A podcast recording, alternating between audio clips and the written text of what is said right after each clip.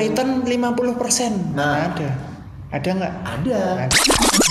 Untuk siapa aja sih? Nah, Hmm. biasanya banyak orang awam, wah saya nggak bisa baca laporan keuangan. Hmm. Nah, makanya di laporan keuangan tersebut ada yang namanya punya eh, sahamnya Unilever 100 lot. Nah, Iya. Gitu. Itu misalkan ber- berarti gimana caranya? Waktunya kamu dengerin PDIP. Ini bukan parpol, tapi podcast. Pak dosen ikut podcast. Assalamualaikum warahmatullahi wabarakatuh. Balik lagi di PDIP. Pak dosen ikut podcast. Pak dosen gimana kabarnya sehat? Alhamdulillah. Eh, gimana kemarin? Belum makan nih Pak Aduh, dari SD. dari 40 tahun yang lalu. Padahal umurnya baru berapa. Tapi untuk hari ini kita eh, untuk kali ini kita episode spesial karena biasanya kita membahas tentang kewirausahaan. Cuman kali ini kita ada materi yang spesial yaitu analisis laporan keuangan. Bukankah begitu Pak Bani? Betul sekali. Betul ya? analisis laporan keuangan. Kenapa kok kita membahas analisis laporan keuangan? Karena kita harus menganalisis. Nah, laporan keuangan itu sendiri Iya, biar kita betul. tahu ya kan jadi nggak cuman eh, secara awam bisa membaca dan sebagainya Pak Bani btw eh, ini eh, ininya boleh dimatiin dulu nggak Pak Apanya? ini apa biar nggak ada bunyi WhatsAppnya gitu cepet Oh iya, saya lupa. Aduh, maaf. Oke. mode, Pak. Udah, Nah, ya. sudah ya oke Oke. kita lanjut Kayaknya kita punya guest star nih. Gestar Iya. ada satu gestar nih ya Oke. Karena kita belum tahu untuk uh, pendengarnya PDIP itu apa apakah iya. masih simpatisan podcast kita belum tahu ya. Oh, iya, oke. Buat, buat teman-teman yang lagi dengerin uh, PDIP Pak dosen ikut podcast untuk hari ini kita akan memperkenalkan satu bintang tamu kita yang sangat Iya. spesial yang tentunya kita akan bekerja sama. Ya bukan kita sih sebenarnya sih karena ini juga kaitannya sama saya juga. Iya. Kan kemarin kenalnya Hmm, gitu. betul, betul, betul, betul.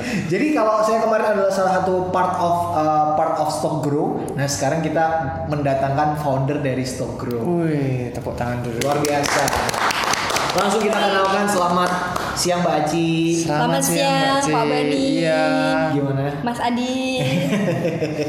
Perkenalkan dulu Mbak. Loh, kok saya yang perkenal? Iya.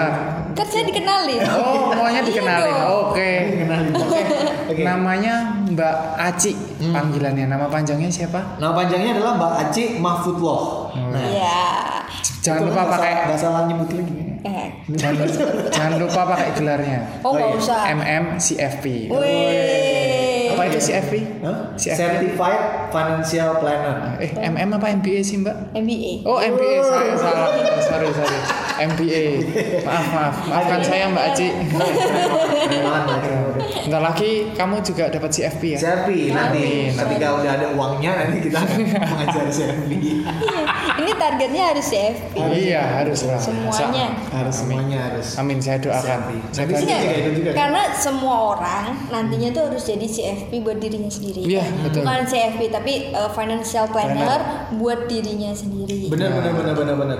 Itu Itu. benar ya financial planner untuk dirinya sendiri. Jadi nggak ada lagi cerita-cerita orang ketipu. Nah, dalam tanda kutip lo ya, dalam tanda kutip ketipu terus uh, keblodrok lah intinya gitu. Return 50% Nah. ada. Ada nggak? Ada. Ada. Tapi harus tahu ilmunya Nah, kan kayak gitu. Betul. Saya pernah 80%. Eh, itu kenapa kan belajar analisis laporan keuangan. Betul betul. Tapi sebelum kita menuju ke Stokro, uh, boleh nggak Pak Bani sebagai dosen pengampu mata kuliah analisis keuangan ini menjelaskan sebenarnya analisis Oke. keuangan ini uh, apa sih? Ya kita tahu ini menganalisis laporan keuangan, cuman uh, secara pengertiannya itu uh, ini ngapain aja gitu? Oke, sebenarnya di analisis laporan keuangan ini intinya Mhm. hanya membaca laporan keuangan. Hanya membaca laporan keuangan. Angka yang harus dibaca. Angka yang harus dibaca. Angka yang harus dibaca. Nah, kalau misalnya mahasiswa akuntansi itu enggak bisa membaca laporan keuangan, Hah? ya ngapain kuliah di akuntansi? Nah, sebenarnya situ kuliah di Gitu. filsafat. Tapi, nah betul kayak kamu kan. puisi. Enggak lah, nggak cuma puisi. Oke, jadi eh, di analisis laporan keuangan ini yang pertama kita lakukan adalah harus bisa membaca laporan keuangan. Oke. Harus bisa eh, apa ya? Mengerti informasi yang diberikan oleh si penyusun pelapo, eh, laporan keuangan tersebut. Jadi eh, laporan keuangan itu isinya angka. Isinya angka. Ada angka yang harus dibaca. Nah, Angka yang- angka yang angka harus itu kan dibaca. cuma dilihat aja. Betul. Iya, betul. Nah, kalau analisis laporan keuangan itu angka yang harus dibaca dan diterjemahkan. Nah, Betul. itu dia. Nah, nah, jadi sebenarnya laporan keuangan itu untuk siapa aja sih? Nah, Hmm. biasanya banyak orang awam, wah saya nggak bisa baca laporan keuangan. Hmm. Nah, makanya di laporan keuangan tersebut ada yang namanya CALK, catatan atas laporan keuangan. Itu meliputi apa itu Pak untuk Ya, CLK di situ ada pembahasan terkait tentang laporan posisi keuangan Mhm. atau dulu namanya neraca. neraca ya. Terus ada laporan laba rugi. Mhm. Uh, di situ juga dibahas uh, laba bersihnya berapa, laba operasinya berapa. Hmm. Kalaupun rugi berarti ruginya Mm, berapa iya, gitu ya. Rugi karena apa dan Rugi lain karena sebagainya. apa, Di situ uh, penjualan meningkat tapi kenapa rugi? Nah, di situ di CALK dibahas Hmm. juga. Terus ada laporan perubahan modal. Terus ada yang paling penting adalah arus kas. arus kas, cash flow, Cash flow. arus kas gitu. Kalau tadi penjualan meningkat tapi malah rugi itu bisa ya? Bisa. Ada- ada bisa, case kayak ada, gitu ya? ada, ada case Bib? dan banyak sekali. Nah, itu akan kita bahas di Oke, di materi selanjutnya. materi selanjutnya. Itu ada di rasio eh analisis laba kotor. Analisis laba kotor. Iya, Oke, nanti betul. kita akan masuk ke materi sana tapi nanti ya. Hmm. Sementara untuk episode yang kali ini ini akan membahas lebih ke lingkup dari ALK atau analisis laporan keuangan itu sendiri. Nah, selain itu kita juga akan memperkenalkan stock grow ke Stock mahasiswa. grow. mahasiswa. Nah, sebenarnya gini, analisis laporan keuangan, oke lah, uh, kita akan membaca laporan keuangan. Cuma Ya. lingkupnya kok bisa uh, akhirnya melirik stock grow ini ada hubungan apa sih antara uh, laporan keuangan sama stock grow yang base-nya adalah financial planner? Kalau katanya Mbak Aci ini tadi karena unsur nepotisme ya. Karena teman sih. Iya, karena unsur nepotisme terus eh, ya awalnya ya kita cerita aja santai aja. Eh, karena unsur nepoti- nepotisme jadi eh, wah akhirnya punya ide dan kreativitas. Wah gimana kalau kita kolaps lah. Itu ternyata cocok. eh, Bu Ica juga setuju sangat-sangat setuju sekali. Deka, Bu Dekan, oh, Bu Ica ini Bu Ica. Kaprodi. Kaprodi. Kaprodi, Bu Ica itu Iya, iya. Kaprodi terus. Selamat siang Bu Ica. Iya. mohon maaf Bu Ica. Saya dijanjiin mau ketemu Bu Ica, sampai sekarang nggak ketemu-ketemu. Iya. Terus ada Bu Dekan juga, eh, Bu Ratna juga sangat-sangat antusias sekali. Siang. Alhamdulillah. Jadi eh, intinya eh, di sini eh, kita dari program Sarjana Akuntansi Universitas PGRI Yogyakarta merasa terbantu dengan kolaborasi ini. Jadi eh, mahasiswa juga akhirnya kita juga nanti akan menuntun mahasiswa untuk melek investasi ya Mbak Aci ya. Harus. Harus. gitu. Harus. Anak muda zaman sekarang Iya, betul. Kalau bisa eh, membuat perencanaan pensiun sebelum bekerja. Nah, Kalau bisa itu seperti dia. itu. Harus Berarti gitu. nanti nggak usah kerja dong. Mungkin dari uang uang orang tua bisa buat ditabung untuk wah buat pensiun saya nih nanti gitu. Pensiun nggak dikasih orang tua. ada gitu ya. Nggak nanti goalsnya malah justru gimana lulus Iya. ya, itu sudah nggak mencari pekerjaan. Nah, Kenapa? nah, Karena dia betul. udah dapat udah dapat udah dapat hasilnya gitu. Nah. caranya gimana ya nanti lah ya Iya. harus harus ada harus ada ilmunya kayak gitu Betul. Nanti step by step kita uh, bedah lebih lanjut gimana caranya melek investasi yang benar sesuai dengan teori dari program sarjana akuntansi dan sesuai praktisi dari stock grow. Oke, berarti yang namanya analisis laporan keuangan itu berkaitan sama yang namanya investasi juga gitu. Iya. Terutama kalau misalkan kita mau beli saham gitu. Betul, betul. Perusahaan otomatis nih eh, ada beberapa analisis juga di dalamnya gitu kan. Salah satunya adalah terkait dengan laporan keuangan yang ada di dalam perusahaan tersebut. Begitu, Pak? Iya, betul, ya? betul. Saya pintar ya. Betul. Ya. Iya, kan Anda calon financial planner. Amin ya Allah. Nah, jadi, Oke, hmm. nah, jadi di kenapa anak akuntansi ini harus belajar analisis laporan keuangan? Yang pertama, memang anak akuntansi harus bisa membaca informasi dari laporan keuangan tersebut. Wajib. Yang pertama. Hmm. Yang kedua, eh, laporan keuangan itu nggak hanya dibaca aja. Oke. gitu tapi harus dianalisis dianalisis dengan cara apa ya ada rasio likuiditas Hmm. rasio profitabilitas aktivitas solvabilitas eh, nilai pasar dan lain sebagainya banyak sekali sebenarnya eh, analisisnya Hmm. Eh, setelah dianalisis dengan perhitungan maka eh, bisa di situ bisa dibaca oh ternyata eh, perusahaan ini eh, kasnya terlalu banyak Hmm. Kasnya terlalu sedikit oh investasinya kurang banyak Hmm. investasinya kurang di eh, kurang begitu apa ya returnnya kurang begitu banyak dan lain sebagainya itu bisa dianalisis. Oke. Nah mungkin nanti dari stock grow juga akan membuat eh, analisis seperti itu lebih ke person juga. Oke, jadi memang misalkan juga kalau misalkan mau berinvestasi gitu ya, mau beli Ya. saham, aku beli saham perusahaan A gitu. Tapi kita tahu nih laporan keuangan perusahaan itu gimana, itu jadi bisa jadi bahan pertimbangan Iya juga betul. gitu ya. Apalagi untuk auditor. Apalagi untuk auditor, pas betul. banget. Profesi ya. Iya. Betul.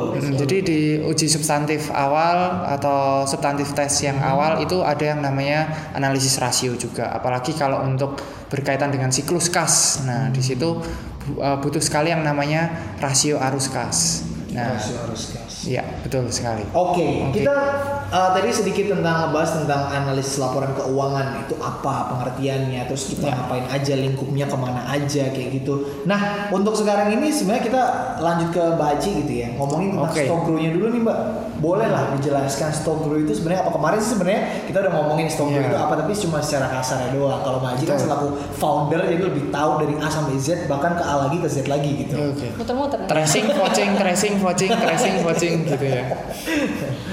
Oke. Jadi ada stok grow halus dan grow kasar. kasar.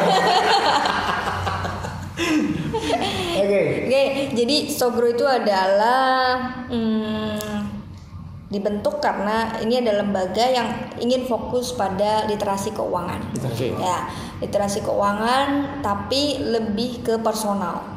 Itu jadi personal finance jatuhnya itu gitu kan. Karena uh, financial planner atau certified financial planner itu sebenarnya memang buat personal, bukan untuk perusahaan gitu kan. Nah, dari situ uh, kenapa ada nyambungnya gitu ya dengan uh, mata kuliah ini gitu. Karena kadang tuh orang tahu uh, atau menganalisis sebuah perusahaan, oh perusahaan ini bagus nih gitu. Tapi ya udah cuma tahu aja Iya. gitu. Padahal seba- sebenarnya sebagai personal itu bisa melakukan action untuk akhirnya dia bisa terlibat atau bisa berinvestasi di dalamnya gitu kan. Nah, balik lagi ke stock grow. Jadi stock grow ini dia kasih literasi tentang keuangan, tentang manajemen keuangan. Tapi pribadi gitu. Karena dalam merencanakan keuangan ya, berarti kan kita ngomong masa depan. Ya kan? Masa depan itu kayaknya di awang-awang kalau orang eh, sekarang tuh ah man- mana mungkin sih aku suatu saat itu punya uang yang banyak gitu kan. Tapi kalau kita nggak pernah mikir sejak sekarang ya kita nggak pernah pernah punya uang banyak itu. Karena eh, orang Indonesia itu kalau punya uang sekarang ya paling besok dua hari lagi seminggu sebulan habis. Iya, benar. Ya, ka- karena dia nggak punya perencanaan. Nah, ke- dengan dia punya perencanaan, dia tuh bisa melakukan manajemen keuangan dengan benar. Nah, setelah dia melakukan manajemen keuangan yang benar, akhirnya dia tahu nih gitu, oh ada uang nih yang bisa diinvestasikan. Nah, investasi ini ya sebagai tools di mana salah satunya gitu ya, investasi kita bisa masuk ke eh, atau bisa ikut berinvestasi di perusahaan, ya? Di perusahaan eh, makanya saat kita tahu laporan perusahaan A apalagi yang sudah publish ya, yang sudah eh, TBK Ya. ya kan. Nah, itu kan kita bisa beli nih di pasar bursa, ya kan, di bursa saham. Nah, dengan kita memiliki pengetahuan itu ya dan kita punya kebutuhan untuk pribadi, untuk masa depan kita, itu bisa dijadikan sebagai eh, apa ya? Eh, tools untuk mencapai tadi keinginan masa depan yang pengen kaya lah, yang pengen punya duit banyak, Punya punya perusahaan pensiun, banyak, pengen- punya pensiun, bis pokoknya intinya 40 tahun udah pensiun, pengennya jalan-jalan udah Betul. kayak gitu. Iya. Jadi eh, kita pengen memberikan edukasi kepada anak-anak muda gitu, apalagi mahasiswa-mahasiswa gitu ya. Kalau dulu zaman 10 tahun yang lalu udah belajar belum?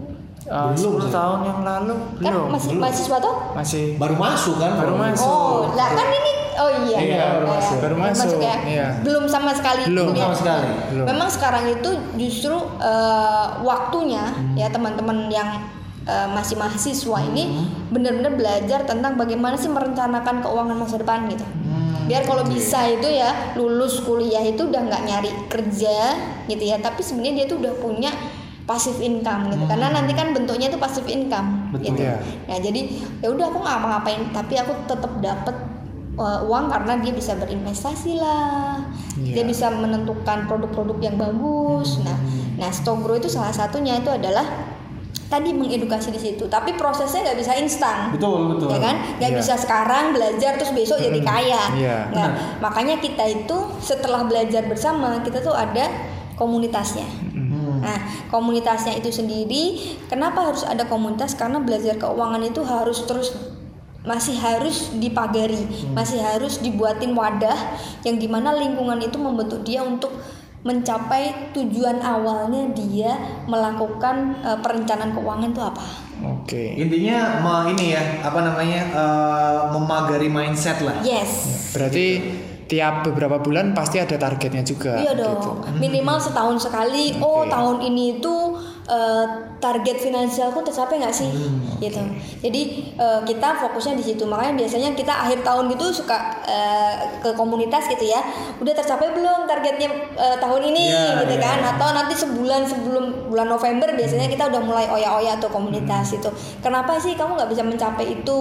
Ya mungkin kalau sekarang alasannya pandemi gitu ya. Nah kalau buat kita sebenarnya nggak ada nggak pernah ada Alasan. alasan gitu Iya. karena yang namanya target itu harus tetap Berjalan. Berjalan. Benar, benar. Bagaimanapun caranya. Tapi emang bener sih yang namanya lingkungan itu pasti akan mempengaruhi eh, gaya hidup, mindset dan lain sebagainya, target juga. Apalagi eh, kayak komunitas perencanaan keuangan. At least ketika kita nggak punya target pun gitu kan, teman-temannya udah pada punya A, punya B, punya C, kita pasti bakal terpacu juga. ya, gitu. Jadi memang komunitas itu di apa ya kayak buat wadahnya atau buat apa payungnya kali ya Iya, iya, buat benar. payungnya gitu sehingga tetap on the track nah tetap pada tujuan awalnya biar kalau lupa-lupa sedikit oh ada promo akhir tahun misalnya Nah, gitu iya. ya itu kan sering terjadi. Sering terjadi. nah itu eh, kembali lagi ke tracknya nanti ah- awal tahun biasanya kan kita bikin goals tuh bareng-bareng goals finansialku tahun baru ini apa kalau bahasa kerennya tuh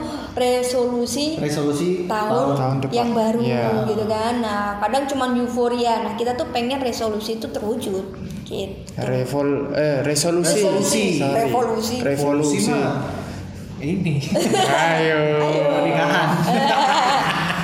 Jadi misal resolusinya eh, punya eh, sahamnya Unilever 100 lot. Nah, Iya. Gitu. Itu misalkan ber- berarti gimana caranya ya tahun depan tuh punya sahamnya Unilever 100 lot. Lot. Iya. Gitu. Apa yang harus kamu lakukan? Mungkin dari kecil dulu beli antam. Nah, terus Terus eh, trading kalau ya? ah, bertahap. Trading. Trading. Bisa. Untung Jadi gini. dikit ju- ju- jual beli lagi cara gitu. bisa model memang masuk di trading atau memang kita siapin dari pendapatan. Iya, ya oke. maksudnya kita bikin bisnis gini gitu ya. ya kadang kan gini orang bisnis itu kadang dicampur sama duit pribadinya Iya. nah kalau di kalau udah belajar perencanaan keuangan tuh wajib dipisah Oke. gitu Iya. nah biar bisnisnya tumbuh biar urusan keuangan pribadinya itu nggak nyampur nyampur Oke. Nah, Iya. itu itu pagernya gitu kan. Nah, basic-basic seperti itu harus sudah tahu eh, sejak awal Hmm. gitu. Kalau teman-teman misalkan mahasiswa nih udah mulai seneng bisnis gitu ya, ya udah dari sejak awal tuh kamu pisahin ini duit bisnis, ini duit pribadi. Hmm. Jadi kalau lu terus aku dapat duitnya dari mana? Ya udah kan bisnis itu kan bisa gaji kamu. Setiap bulan berapa? Ya itu jatah kamu. Iya, Gitu. oke. Nah, maksudnya makanya di perencanaan keuangan itu nanti kita nggak ngomong cuman tools investasi aja Iya. tapi gimana sih bisa dapetin pendapatan itu untuk ukuran mahasiswa apa sih yang harus dilakukan nah itu juga bisa digali Oh gitu. Jadi lingkupnya luas juga ya ternyata ya. ya maksudnya tapi itu bukan bukan basicnya gini bukan basic financial planner eh, keilmuannya Iya, iya, tetapi iya. gini eh, bahasa gampangnya gini deh lu nggak ada duit Nah, tapi lu mau ngatur apa nah itu. Nah, iya. Tapi kalau lu ada duit juga lu kagak punya nggak- nggak bisa nggak bisa ngaturnya juga ngaturnya juga ngapain juga. Iya, gitu. gitu. Jadi sebenarnya ada ada dua uh, terminologi Yes. gitu ya yang harus kita gabungkan yang harus menjadi satu mindset yang benar Hmm. gitu. Jadi kalau orang lah aku nggak punya duit terus apa yang mau aku kelola kan kadang Iya. gitu ya Iya. gitu apalagi al- mahasiswa itu kan alasannya A sampai Z gitu Hmm. tapi kalau kita buka bahwa sebenarnya mahasiswa itu bisa lo punya pendapatan Hmm. dari mana sumbernya yang Iya. memungkinkan sehingga dari sumber ini dikelola dengan baik gitu ya agar bisa menyiapkan masa depannya yang jauh lebih baik mungkin dibanding angkatan-angkatan sebelumnya Hmm, oke. Gitu. Menarik nih. Menarik, menarik. Kita juga harus punya goals loh Bang. Oh, Iya. goalsnya apa nih kira-kira? Goal saya- tahun lang sampai akhir tahun ini deh coba. Goal saya Menikah. keluar dari LDR. apa itu? Lali ditinggal rapi. Bahkan belum ditinggal. Oh iya ya. Ya kan namanya nggak? Eh, Hah? kan belum eh, janur kuning belum. Melengkung. Melengkung. Selama jalur kuning belum melengkung tiga kali. Oh, itu kamu itu. Tapi intinya eh, hubungannya dengan analisis laporan keuangan adalah laporan keuangan itu memang perlu kita analisis dulu, kita dapatkan permasalahannya apa, baru akhirnya kita bisa memplan Iya. atau memanage. Memutuskan. Iya betul Memutuskan memutuskan dulu. akhirnya eh, terbentuklah financial planner tersebut Ya, gitu. saya untuk bisa mencapai, oh, lah, misalkan nih kita ngomong perusahaannya Antam, Hmm, iya, Antam. Karena kan sekarang ini lagi euforia, Iya, ya kan? euforia banget. Eufor- eh, apa Antam itu perusahaan yang bergerak di peremasan, Iya. ya. Oh, iya. Emas itu sekarang harganya naik, Naik gitu ya. Hmm. Nah, sekarang dari eh, performa perusahaan itu seperti apa sih? Misalkan Oke, seperti itu. iya. Terus kemudian lebih enak beli perusahaannya atau beli barangnya. Oke. Nah, kan itu itu bisa Iya. menjadi pilihan. Itu berarti juga salah satu masuk ke analisis juga ya Mbak ya? Ya. Di, di dalam investasi. Ya, dalam investasi pribadi Iya, ya pribadi. tapi kalau laporan keuangan yang dilihat kan tetap Iya. apa namanya la- eh, perusahaannya, Perusahaannya, Gitu. benar-benar, benar-benar. misalkan Hmm. ini harusnya salesnya tinggi ya kan? Karena kan harganya naik, Harganya naik, ya kan? betul. berarti kan harusnya eh, revenue-nya naik. Hmm. ya kan? Karena harga naik gitu. Tapi kenapa laporan keuangannya itu performanya tidak bagus? Misalkan, itu kan misalkan. loh ya Iya. ini, ini ini belum tentu terjadi seperti itu. Atau bahkan oh naiknya tuh cuman eh, 40% kenapa eh, laporan eh, apa namanya eh, laporan revenue apa bukan revenue eh, laporan Pemasukan. pemasukannya itu bisa em, 300% misalkan. Oke. gitu. Itu kan bisa diperbandingkan dan nanti kan ada rasio. Nah rasio itu yang nanti akan membuktikan harganya sekarang harga sahamnya itu sebenarnya tuh termasuk murah atau mahal. Oke. gitu. Itu sebagai salah satu eh, apa ya referensi kita untuk memutuskan aku beli perusahaannya atau aku beli barangnya. Oh, itulah kenapa Barang kita harus belajar analisis laporan keuangan. Iya betul. Setelah udah ketahuan eh, permasalahannya, Mhm. kita planner. Mm-mm. Iya. Benar benar benar benar benar. jadi jangka panjang misalkan wah oke juga nih antam karena harganya masih murah berarti cuannya tambah gede dong Iya. besar. Jadi cuanmen ya. cuan men, cuan men, cuan wati. Iya. Oke, eh, materinya sebenarnya cuma sampai sini aja ya. Hmm. Ya karena ini masih awal pertemuan Ya. kan. Masih awal pertemuan, tuh. Sebelum kita tutup nih Mbak, eh, gimana sih caranya mahasiswa-mahasiswa ini kalau kepengen jadi member atau mau ngepoin stock grow lah? Boleh. Oke, boleh pengen tahu apa sih aktivitas Hmm. Stock Betul, Group, iya. eh, edukasi apa yang Iya, dilakukan. betul. Teman-teman bisa ke eh, apa IG-nya, Instagram. Instagramnya At stokgro.id. at stokgro.id. ID, betul. Oke. Terus kalau mau eh, ta- pengen tahu ada event-event apa aja itu bisa di stok eh, www apa ya apa www www.stokgro.id dot ID. betul. itu ada eventnya nah kalau mau jadi member Hah? itu biasanya harus diawali dengan eh, ikut pelatihan yang Ikut ada pelatihan. di Stockgrow Stockgrow. gitu karena eh, enaknya adalah ikut sekali pelatihan tapi dapat membership itu selamanya Oke. Oke. Kalau ke depannya nih Mbak, kira-kira Stokgro mau punya terobosan-terobosan apa nih? Iya. Oh banyak, Banyak lah ya. banyak, banyak. Eh, agar mesti gini, karena kita goalsnya adalah memberikan literasi dan edukasi keuangan. Iya. Ya, kita nggak pengen cuman orang tuh harus di ruangan dan dia belajar. Nah, nah, nanti ke depan kita akan buat eh, apa ya produk gitu ya yang bisa orang eh, juga memberikan literasi atas pembelian produk itu. Oke. Literasi da dalam Literasi sebuah keuangan. produk. Iya, literasi literasi keuangan keuangan. dikemas dalam sebuah produk. Yes. Luar biasa nih, keren banget. Mbak Aci, kalau ngobrol gitu en- lebih enak didengar daripada Jolgolis ya. Iya. Tapi ya kan mereka kan bukan ngobrol soalnya Oh, oke. di Instagram. Oh iya. Situ suka mancing, Jadi kontroversi. Saya nggak ikut ikut lah. Tadi yang bilang Pak Bani dosen UPY ya. Mohon yang dicari Yang dicari. ya. Saya cuma bagian edit audio aja. Oke, eh, terima kasih Mbak Aci. Mungkin nanti eh, mahasiswa-mahasiswa program sarjana akuntansi Universitas PGRI Yogyakarta Betul. yang mau terpancing lah intinya. Wah, saya juga kepengen nih melek investasi nih. Eh, Oke lah, sekarang eh, dikasih uang saku sama orang tua, uang sakunya buat apa sih? Ya jangan buat nongkrong ngopi mulu gitu, tapi juga bisa buat investasi. Hmm. Betul. tahu. Karena investasi itu bahkan eh, saham murah ya Mbak ya. Murah banget. Satu lot antam berapa antam satu lotnya kira-kira? Nggak nyampe 100 ribu. Antam Antam berapa antam? Satu lembarnya 700 ya? 800. Berarti satu lot kan 80 ribu. Iya. Iya, tapi lu 80 ribu. Lumayan. Ngopi 3-4 kali udah selesai. Iya. Ngopi nyonya hijau itu?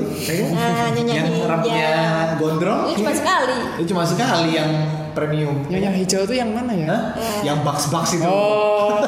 Iya. Kayak bintang. Oke, oke, oke. terjemahin aja sendiri.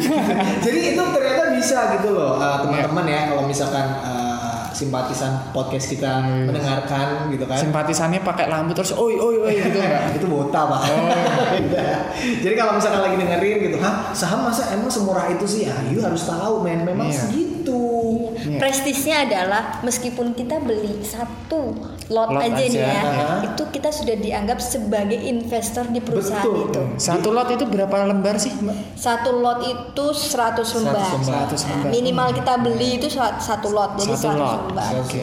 Kalau harganya tadi 800-an, Berarti ya, berarti 80.000 800 kali 100. Cuman 80 ribu loh. 80 ribu Satu satu lot itu kita udah diundang ke pembagian dividen. Iya, kayak rapat gitu. eh, rapat lumayan ya, makan gratis. umum ya. 10 lot udah lumayan, 800 ribu. 800 ribu. 800 ribu udah dapat 10 lot. Iya. Ya kan? Itu antam, belum lagi Iya. di bawahnya lagi kan banyak juga Pak. Banyak. Ya. Iya, ada yang harga 100 rupiah ya. ada lah. 50 paling rendah. 50 paling rendah.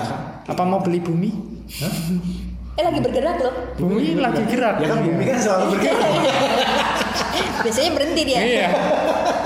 Sekarang mumpung lagi bergerak, nggak tahu pajaknya udah selesai apa belum nih. Karena bumi selalu berotasi ya. Iya. Baiklah kalau begitu terima Oke. kasih Haji atas Terima kasih. penyampaiannya untuk hari ini. Next kita bakal Iya. ngobrolin ALK lagi masih Iya. sama Stok Guru juga ya Kita pastinya. akan ngobrolin terkait tentang informasi laporan keuangan. informasi laporan keuangan itu apa aja yang ada di dalamnya itu apa aja penerjemahannya juga gimana kayak gitu Cara bacanya cepetnya gimana? Nah itu apa? Sudah Nantikan ada. di episode selanjutnya. Eits, jangan sampai ketinggalan di episode selanjutnya ya. Sampai ketemu lagi. Bye-bye.